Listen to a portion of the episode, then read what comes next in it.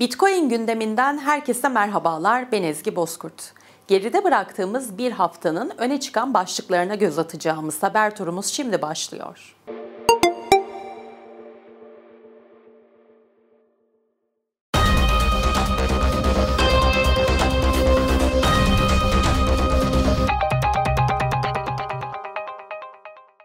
Nijerya basınında çıkan haberlere göre ülkenin yakın zamanda Bitcoin ve diğer kripto paraların kullanımını yasal hale getiren bir yasa çıkaracağı iddia edildi.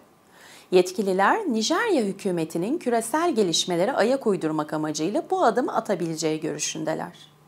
Tasarı kabul edildiği takdirde Bitcoin yatırım yapmak için yasal sermaye araçlarından biri olarak kabul edilecek. Nijerya, Ekim 2021'de kendi Merkez Bankası dijital para birimi Inaira'yı piyasaya sürmüş ancak çok düşük bir benimsenme oranı yakalamıştı. SEC'in Bitcoin ETF başvurusunu yeniden reddetmesi durumunda Grayscale Investments bu amaçla topladığı sermayenin bir kısmını müşterilerine iade edebilir. Grayscale'in CEO'su Michael Sonnenschein, yatırımcılara yazdığı bir mektupta ETF'e çevrilmeye çalışılan GBTC ürününün SEC tarafından onaylanmaması halinde toplanan sermayenin %20'sinin iade edilebileceğini belirtti. Grayscale Investments bir süredir ETF statüsü kazanmaya çalışıyor. Bu amaçla Haziran ayında bir kez daha reddedildikten sonra SEC'e dava açtı. Twitter CEO'su Elon Musk yakın zamanda yaklaşık 1,5 milyar aktif olmayan hesabın silineceğini duyurmuştu. Bitcoin kültürünün ve topluluğunun önemli bir parçası olan Halfini'nin Twitter hesabı platformdan silinmemek için yeniden aktif oldu. Mesajların Halfini'nin eşi Fran Fini tarafından atıldığı iddia ediliyor.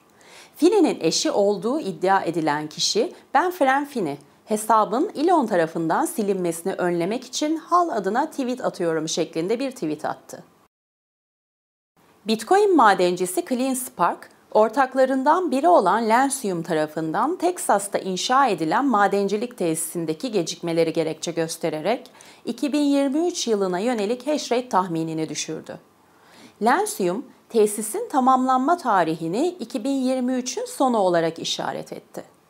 Bitcoin madencisi CleanSpark daha önce de Gürcistan'da iki tesis ve 18 binden fazla makine satın alarak kapasitesini arttırmıştı.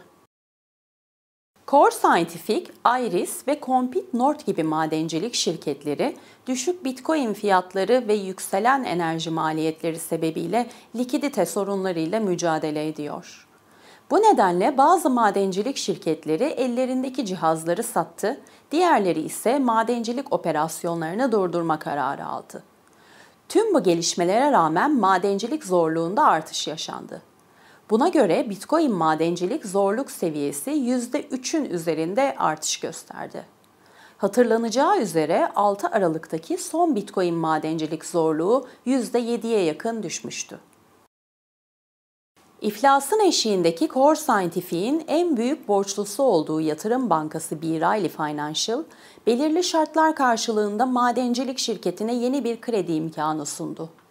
Buna göre yatırım bankası Core Scientific'e 72 milyon dolarlık ve vadesi 2 yıl olmak üzere bir kredi sağlayabilir. Diğer taraftan bir başka madencilik şirketi Greenwich Generation, NYDIG'den aldığı 75 milyon dolarlık krediyi yeniden yapılandırdı. Bitcoin gündemine dair gelişmeleri aktardığımız haber turumuzun ardından BTC Türk kurucusu Kerem Tibuk stüdyo konuğumuz olacak. Hoş geldiniz Kerem Bey. Hoş bulduk.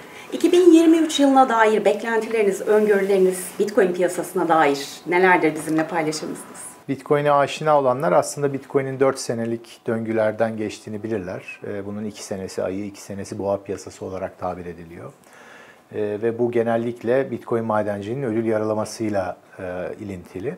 En son 2020 e, Haziran'ında boğa piyasası başlamıştı ödül yaralaması ile birlikte ve 2021 sonuna kadar fiyatların e, nasıl yükseldiğine şahit olduk. 2022'nin ee, başı da ayı piyasasının başlangıcı gibiydi ve bu e, geçmiş tekrarlayacaksa 2023 senesi de e, sakin geçecek. E, fiyatta yatay bir hareket bekliyorum. Çok fazla değişmeyeceği, çok fazla volatilitenin olmayacağı. Ta ki işte 2024 Haziran ayına kadar yine bir 4 sene sonra. İşte bir geçmiş her zaman tekrarlayacak diye bir şey yok ama olursa bir buçuk sene daha böyle yatay gideceğiz gibi. Peki 2023 yılına dair BTC Türk'ün hedeflerinden, planlarından bahsetmek ister misiniz? Tabii. E, işte bu ayı piyasaları bizim gibi firmalar için aslında yatırım fırsatları da oluyor. E, çünkü ayı, boğa piyasasında fiyatlar çok hareketliyken çok talep alıyor bildiğiniz gibi müşterilerden. Müşterilerin taleplerini karşılayabilmek için çok yoğun çalışıyoruz. Biz bunu ama işte çok uzun süredir biliyorsunuz bir BTC neredeyse 10 senelik bir firma. Biz 3 tane boğa, 3 tane de ayı piyasası gördük. Yani bunu gören ender borsalardan biriyiz. 2018-2019 yılı da bizim 2022-2023 gibiydi. E, fiyatta çok bir hareketlilik yoktu ama çok büyük yatırımlar yaptık. 2020-2021 hazırlıklı olalım diye. Yine aynı şekilde devam edeceğiz ama burada biraz daha farklı olarak BTC Türk olarak bir grup şeklinde farklı firmalarla e, diğer finansal hizmetlere de yayılmayı planlıyoruz.